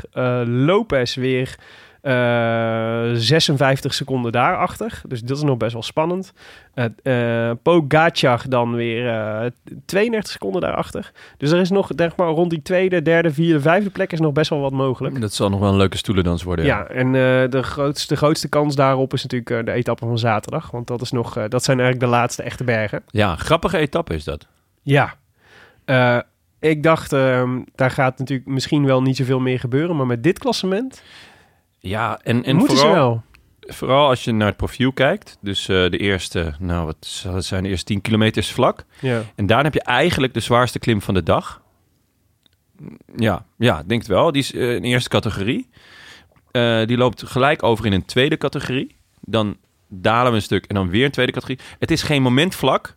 Ehm, dan nog een derde categorie en dan nog een eerste categorie. Dan weer een tijdje heuvels en dan eindigen ze op een derde categorie. Dus ze zitten wel de hele dag best wel hoog al. Ja. Ehm, maar het zijn dus niet extreem. Het zijn geen buitencategorieën of zo. Het is ook niet, niet eh, vijf calls van de eerste categorie. Dus er is heel veel ruimte, volgens mij, voor ehm, aanvallen, spelen met eh, ploeggenoten die vooruit zijn. Ehm, ja, volgens mij is er heel veel mogelijkheid tot, tot gekkigheid. Ja. Omdat het dus niet zo zwaar is. Eindeloos klimmen en klimmetjes. Dus echt Ja. een afmattende, afmattende race. Ja. Nou, leuk, eh, leuk dat je hem introduceert. Want het is namelijk de volgende voorspelbokaal. Maar, ehm, dus daar komen we zo op. Maar eerst even naar de huidige voorspelbokaal. Want we, we hadden dus met z'n allen weer eh, gegokt op de etappe van vandaag. Eh, Tim, jij had uh, Remy Cavagna gespeeld. Werd gisteren derde. Toen dacht je, denk, daar voelde je denk ik de bijl hangen. ik ben echt zo... Ik ben echt de allerbeste in net ernaast zitten met dit soort dingen. Je bent vaak te vroeg. Ik ben echt, ja. Ja, inderdaad. De Jammer. Danny van Poppel van de, van de Roland. Van de Rode Lantaarn. Ja, inderdaad. Eh, of de Leroy Jenkins. En hoe was het met Gianluca Brambilla? ja, nou, ik heb hem echt geen moment in beeld gezien vandaag. Ik heb er echt expres serieus heel veel op gelet. Maar nee, het Ik was... had hem eh, in mijn Scorito meegenomen. Niks. Nul punten. ja, Ik nou, neem aan dat je de winnaar gewoon op de bank had. Ja. Nee, ik had Wout... Nee, de winnaar had ik mee dit keer. Maar ik had Oh. wel Wout Poels op de bank. Ah, ik ook, lekker. maar die had toch geen punten gehaald. Ik had eh, de winnaar in de rode trui vandaag. En eh jij had Louis Leon. Ja. eh, ook, ook niet hè, mee, hè? nee, nee ja, het, was, eh, het was natuurlijk een beetje een gokje. Zat hij gisteren mee in de eerste groep? Ja, ja Denk maar moest zich... eh, ja, ja, ja, ja, zeker. Grote, het grote motor om... eh, Gekke Nou, zat renner hij, eigenlijk. zat hij mee in de eerste groep? ik weet het niet. Volgens mij zat hij mee in de eerste groep en hij, moest hij zich toen uit laten zakken. Of zoiets. Zou kunnen. Maar Doet ook niet de zaken. We hadden hem alle drie verkeerd. Wie het wel ehm, eh, goed had, wie Ser- Sergio Igita van vandaag had voorspeld, was wederom Henk Strikkers. is dit nou de derde keer op rij dat Henk Dit is de derde keer dat Henk Strikkers de voorspelbokaal eh, eh, Zo. goed heeft. Dat is is echt, wel, denk ik, een record. De voorspelbokaal, de voorspelbokalen. De De- voorspelbokalen. Eh, Dat- primos. Dus het heet, eh, vanaf nu heet dit de Henk Trick. Die, eh, die, De Henk Trick. de Henk Trick. Drie keer achter elkaar de voorspelbokaal. De Henk trick. Zo. Eh, maar er was nog iemand anders. Maarten Plessers had hem ook goed. Eh, en misschien nog wel wat meer mensen. Maar Facebook eh, en ik hebben steeds vaker ruzie. En dus mis ik nog wel zijn naam. Maar in ieder geval Maarten Plessers had het ook goed. Dus excuus bij voorbaat als ik je naam niet noem en je had het toch goed. Maar Maarten Plessers wint de, eh, wint, eh, de voorspelbokaal. Want we gaan natuurlijk niet twee kleine Heines naar Henk Strikker sturen. Of drie. Of drie. Ehm, dus eh, gefeliciteerd Maarten Plessers. Jij wint een kleine heine met dank aan uitgeverij van de show Atlas Contact en uitgeverij De Muur. Eh, en Henk mocht natuurlijk nog wel de groetjes doen van de vorige voorspelbokaal. Want eh, nou ja, toen was hij de enige die het goed had. Ha, mannen van de Rode Lantaarn. Wat fijn dat het vertrouwen in Vogelsang na een teleurstellende tour zich nu wel uitbetaalde. Ik wil graag de groetjes doen aan mijn vriendin Anke. Die heeft beloofd de hele aflevering te luisteren totdat in ieder geval de groetjes voorbij komen. En aan alle mensen van Wielerprono Team Tashkent Terror. Ga zo door zou ik zeggen tegen jullie. Arme Anke. Nou, nee hoor. Groetjes aan Anke. Ja, maar, nog. ja, is maar, toch leuk? Ze heeft toch, ze, ik denk dat ze genoten heeft. ja, maar er moet nu de hele aflevering luisteren. Tot, de, tot groetje, nu. tot de groetjes. Dit hoort ze al niet meer. De groetjes zijn geweest. Ja, dat is balen, Anke. Goed. Anke, je bent een topper. Jongens, eh, de etappe van zaterdag. Eh, dus wij zijn er pas eh, zondag weer. Dat, eh, dat even voor de duidelijkheid. Want dan maken wij de grote nabeschouwing op de Vuelta van 2019. Met, La- met Lars Boom. ja, Ja, ja, ja. hij was aan het typen. Hij is aan het typen. Ja. Dus eh, het kan niet anders dan dat het met Lars Boom is. Maar ehm, ik dacht, ja, die etappe van zondag in Madrid, dat is weer zo'n eh, zo'n verplicht nummertje. En dan wint Fabio Jacobsen. Dan gaat iedereen Fabio Jacobsen zeggen. Ja. Ja, en dan moet ik weer, eh, ben ik weer een uur bezig op Facebook om al die, alle winnaars te, te verzamelen. Dus daar gaan we niet aan beginnen. Dat wil je niet. Zaterdag is spannender, want dan heb je dus die laatste grote bergrit waarvan alles nog kan gebeuren. En ik hoor graag van jullie wie die gaat winnen. Eh, ik heb Theo Gegenhardt genoteerd. Oh, wat leuk, Leuk. van Ineos. Ja, ja Mijn, eh, mijn theorie is 12 Beetje keer slijmen bij Brailsford. ja. 12 keer scheepsrecht. Ja, Ik bedoel, hij, heeft echt, eh, hij probeert echt met elke aanval mee te doen. afgelopen vier dagen toch? Zat hij mee. Ja. ja. Weet je waar het me een beetje aan doet denken? Bauke Mollema had toch vorig jaar zo'n Ja. tour dat hij iedere keer, iedere keer mee zat. En daardoor eigenlijk voortdurend zijn eigen glaas aan het Was, ingooien was in de. Vuelta toch? Vuelta. Oh ja, was dat in de vorige Vuelta? Ja, want de Oh, Tour, ja. Tour heeft hij nog een etappe Klopt, gewonnen, dacht ik. Ja. En, eh, maar toen had je ook heel de tijd het gevoel van... Goh, als je nou in plaats van al die dagen gewoon twee dagen meegaat, zeg maar... Dan, dan win je ze allebei. Ja, maar hij is wel zo lekker bezig de hele tijd. Gegenhard of Ja, Mollema? zo, nee, ja, Mollema ook trouwens. Eh, die is gewoon lekker bezig. Mhm. In, in general. Bauke. Maar, Was nog vijfde in de Giro, hè? Zal voelt al Ja. zo lang geleden. Ja, maar ja, was dus vijfde in de Giro. en, hij gaat, eh, en hij gaat deze week Quebec winnen. Ehm, Montreal zal die derde worden waarschijnlijk. Maar zwaar, zou een kun. Mooi gezegd. Nee, ehm, maar nee, Gegenhard, hij is zo... eh je hebt het altijd over de, de, de splijtende demarage van Aru. Ik vind dat Gegenhard heeft ook wel zoiets. Hij heeft gewoon hij is zo, zo ja, een bezige bij. Nou, wat ik, wat ik heel erg in hem kan waarderen... is dat hij wel echt in zijn eentje... echt eh, van, de, van die hele Ineos-ploeg... echt als enige een beetje probeert om er iets van te maken. Ja. Van deze hele Vuelta. Nou, Want waarom... eh, Poels is ook lekker bezig. Maar Nou, ik weet het niet hoor. Het, is- het is, hij probeert het en dan lukt het niet. Ja. Het was wel... Ja, ik vond het ook een beetje tandloos. Maar Ik Hetzelfde, hoop- ik- hetzelfde geldt tot nu toe een beetje voor Theo. Maar Ja. ik hoop dat het aanstaande zaterdag... Nou, het is minder, ik vind Theo minder tandeloos dan uh, Poels. Dus ik vind, snap heel goed dat je Theo hebt opgeschreven. toch twee, één keer tweede, één keer derde. Hard. Ja. Deze, deze Vuelta. Ja. Ja. Zou, zou Poels een- ergens- al ergens getekend hebben? Maar Wanti. nee, dat is Maurits Lammertink. Ja. Vriend van de show. Vriend van de show. Van harte, Superleuk. Maurits. Lijntje met Hilaire hebben we nu. Dat zou wel lekker zijn. Dat we Hilaire ook in de, in de show. Met Ja. ondertiteling. ja, dan kan Willem... Is Willem de enige die het gesprek kan voeren? Kunnen ze lekker over magazines praten samen. De Gazette. Wie Ik heb had, jij ik had toch wel eens gezegd dat ik heel graag een hele grote pluche Hilaire van der Schuren voor mijn zoon zou willen. Ja, dat is... Of voor in de hoek van de kamer, weet je. Sommige mensen hebben zo'n levensgrote giraf, weet je, van pluche. Ja. Het lijkt mij fantastisch om een levensgrote Hilaire van der Schuren in mijn- op de slaapkamer van mijn zoon neer te zetten. Als iemand dit voor ons kan maken, dan zou ik ook wel heel erg dankbaar Oh, dat zou zijn. echt vet zijn. Ja. Ja. Nee, ja, dus die, dat is weer een, die droom is weer een stap dichterbij gekomen nu Maurits Lammerting bij Wanty gaat fietsen. Wie heb jij opgeschreven voor zaterdag, Willem? Eh, de- ja, dit kan niet anders. Dit wordt eh, de etappe van Wilco C. Kelderman. Hou op met me hoor. Vandaag... hij heb, je, heb je überhaupt iets anders, anders voorspeld deze dan, ja, maar koers dan Wilco C. Ja, Kelderman? heb jij wel Ik Kelderman wacht voor wel, je elke kent toch dat- voorspelbokaal je kent toch dat, eh, dat eh, spreekwoord... Even a broken clock is right two times a day. Zeker, ik ken hem in Nou, het Nederlands voor. Daar zit ik op te wachten op dat moment. Dat de klok 12 uur slaat. Gewoon de, een, een kapotte klok heeft ook twee keer per dag gelijk. Voor Ja. de Nederlands luisteraars die Ja. ook niet... Ja. Eh, Magazine is trouwens tijdschrift in het Nederlands. Of hoe Eh, zeggen jullie dat ook alweer in het Nederlands? Eh, kapotte klok. Wilco C. Basement Man. Ja, Wilco C. Kelderman. Nou ja, we- het is, eh, ik denk dat, dat hij een, een prachtige punt gaat zetten voor alle dichters in deze, deze Vuelta. Ik hoop het. Ja. Carl Frederik Hager jongen. wordt eh, tweede. Oh ja, de, de dichter, de Duitser. De, de Duitse romanticus. ja, precies. En jij, Jonne? Oeh, schijnbaar. Een no-look was dit. leuk, leuk, leuk, leuk. Ik wist niet dat het kon bij het podcast, maar mooi om te zien. Eh, ik heb uh, Mikkel Niebe. Dat is... eh, Frosty. Frosty. ja, hij, ehm, als, als Mitchelton Scott eh, een grote ronde rijdt en die dreigt de soep in te lopen om een of andere reden, dus eh, een, eh, een ineenstorting of een... eh, Of omdat ze Esteban Chavez meenemen. Inderdaad, ze zit ineens met een kopman die, die niet weet wat hij aan het doen is. Ehm, dan is er eigenlijk altijd één man die, die opstaat en hun koers redt door een mooie bergrit te winnen. En dat is Mikkel Niebe. En dat heeft hij nog niet gedaan. Het, zit, er kleeft een heel klein risicootje aan. Hij staat elfde. Mhm. Ehm, dus eh, Marc Soler bijvoorbeeld, die staat tiende. Ik weet niet of ehm, ze hem laten rijden. Maar aan de andere kant, Movistar is denk ik veel meer bezig met het, eh, het klassement van, ehm, van Valverde... dan met het, met het klassement van eh Mark Soler. Nou, Marc Soler. Niet zozeer met het klassement van Max Soler, maar met het ploegenklassement. Ja, maar het ploegklassement is echt al lang en breed binnen. Dat is echt absurd. Ik keek vandaag ook en er stond maar één ploeg nog. De rest van de informatie was nog niet aangevuld, maar ik vond het heel typisch. Er stond gewoon eh ploegklassement, klikte ik aan en dan stond zo Mobistar en ook geen tijd. Er stond Ja, geen tijd achter. Ook het was- enige team dat hier Ja. echt altijd voor gaat. Hè? Inderdaad. Dus, eh, dat ehm, dus ik, ik denk eh, dat uh, Mikkel Niebe... Het is echt een etappe voor hem. Mooie lange ontsnapping. Lekker meesluipen in het groepie. En eh, langzaam iedereen aan gort rijden. Frosty, dat is uit de podcast van Geraint Thomas en, eh, en eh, Luke Rowe. Toch? Ja. Rowe. Kan je dat nog één keer halen? Luke Rowe. Luke Rowe. Dat is in Nederlands het is het Luke Roei. Ja, zo noemen ze dat.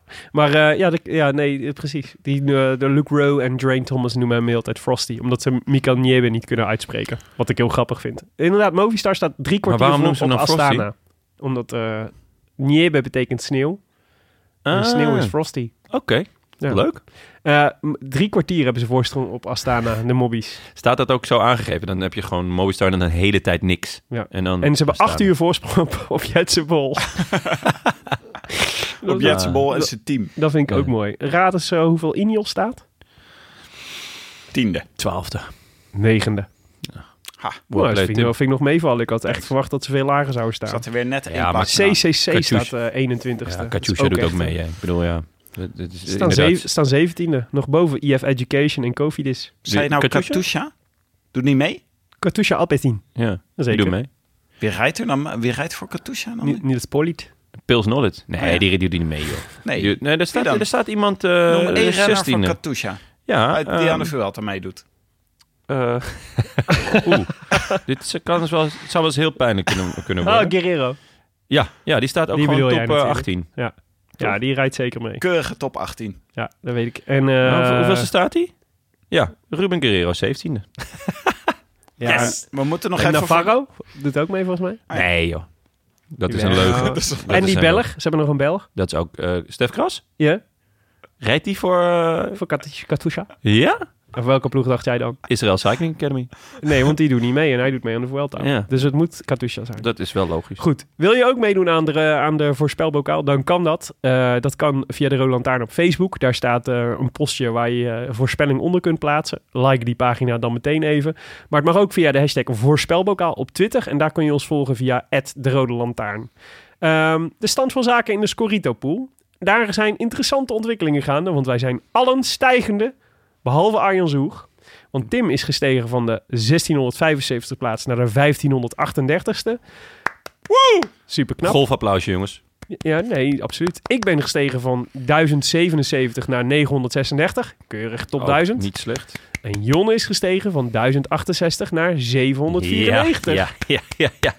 Ik En, denk eh, dat wij kans maken op het ploegenklassement in onze Scorito pool. Ja, een wielercafé het verzetje? die staan 973. ste Oh, Ja. Leuk, leuk, leuk. Ja, het is allemaal nog niet echt om eh, over naar huis te schrijven of om heel eh, prat op te gaan. Maar Ik toch, ga mijn moeder bellen, hoor. we, zijn, eh, we gaan de goede richting op. Eh, en eh, dat is mooi, want eh, als dit zo doorgaat, Jonne, dan maak jij nog gewoon kans op die hele mooie print van Mathieu van der Poel. Eh, gemaakt door Studio Grinta en ons aangeboden door Fiets van de Show, Canyon. Woehoe! Goed. Veel woehoes vandaag. Ja, het is een enthousiaste podcast. Ja, we zijn echt... eh, ik heb het De stemming zit erin. Ja, We moeten vaker een biertje met friet eh, van tevoren doen. Klopt, Dat sowieso. echt.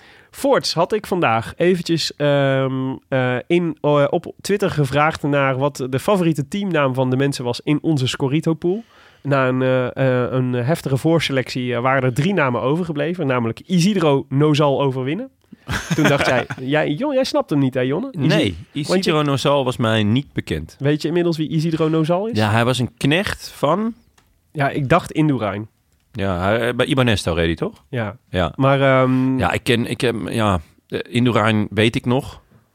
Eh, van wielrennen kijken met mijn vader, maar wie de knecht was... nee, sorry, ja. hij reed bij Onze. Bij ons zelfs. Ja. Eh, nog erger.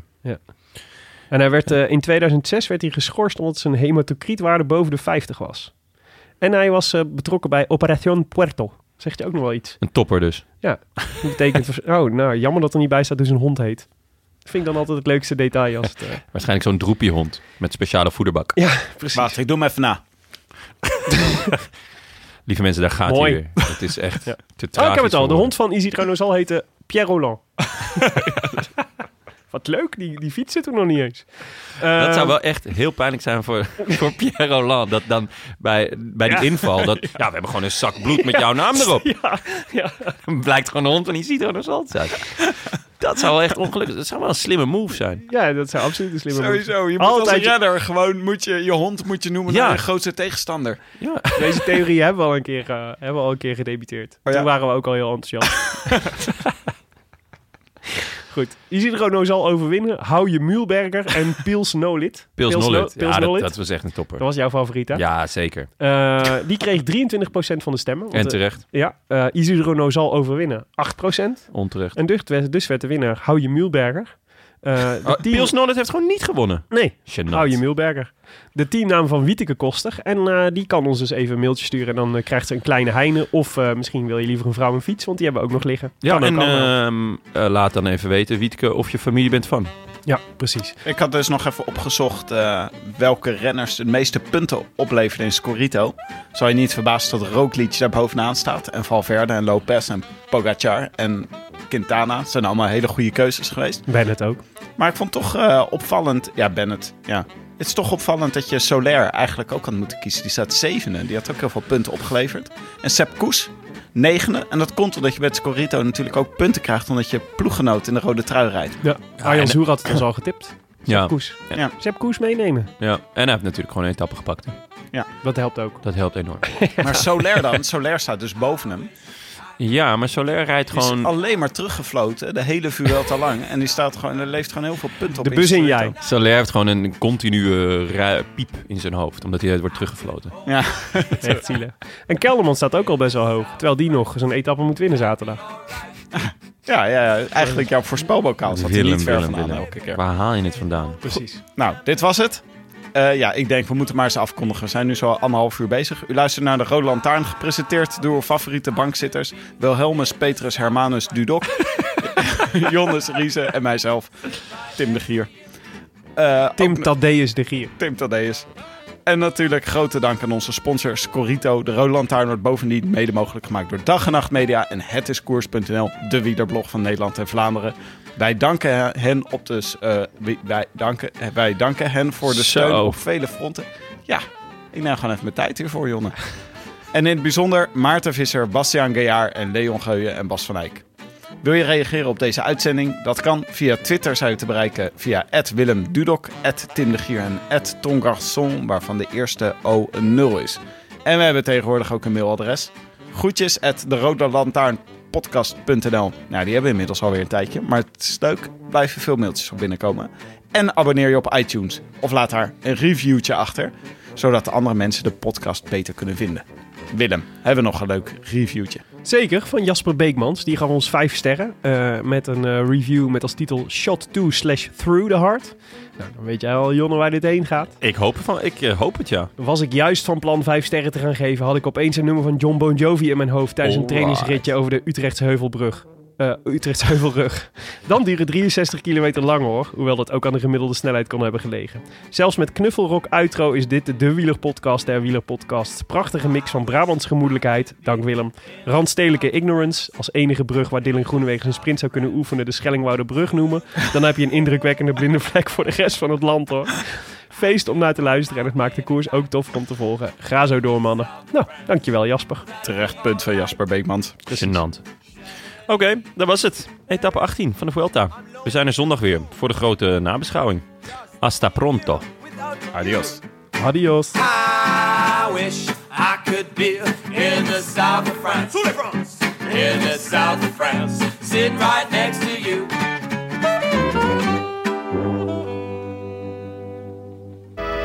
Tout près du Cap Griné, quand j'ai fini de pêcher, on se retrouve chez Léonce, on est onze. On mesure les poissons en vidant des canons et l'on passe vite le cap car ça tape. Bientôt plus de cap griné, encore moins de cap blandé. Ce qu'on voit, c'est nos nez rouges et quand les verres que je lève ôtent le sel sur mes lèvres, moi je pense à Marie qui est partie. Quand la mer monte, j'ai honte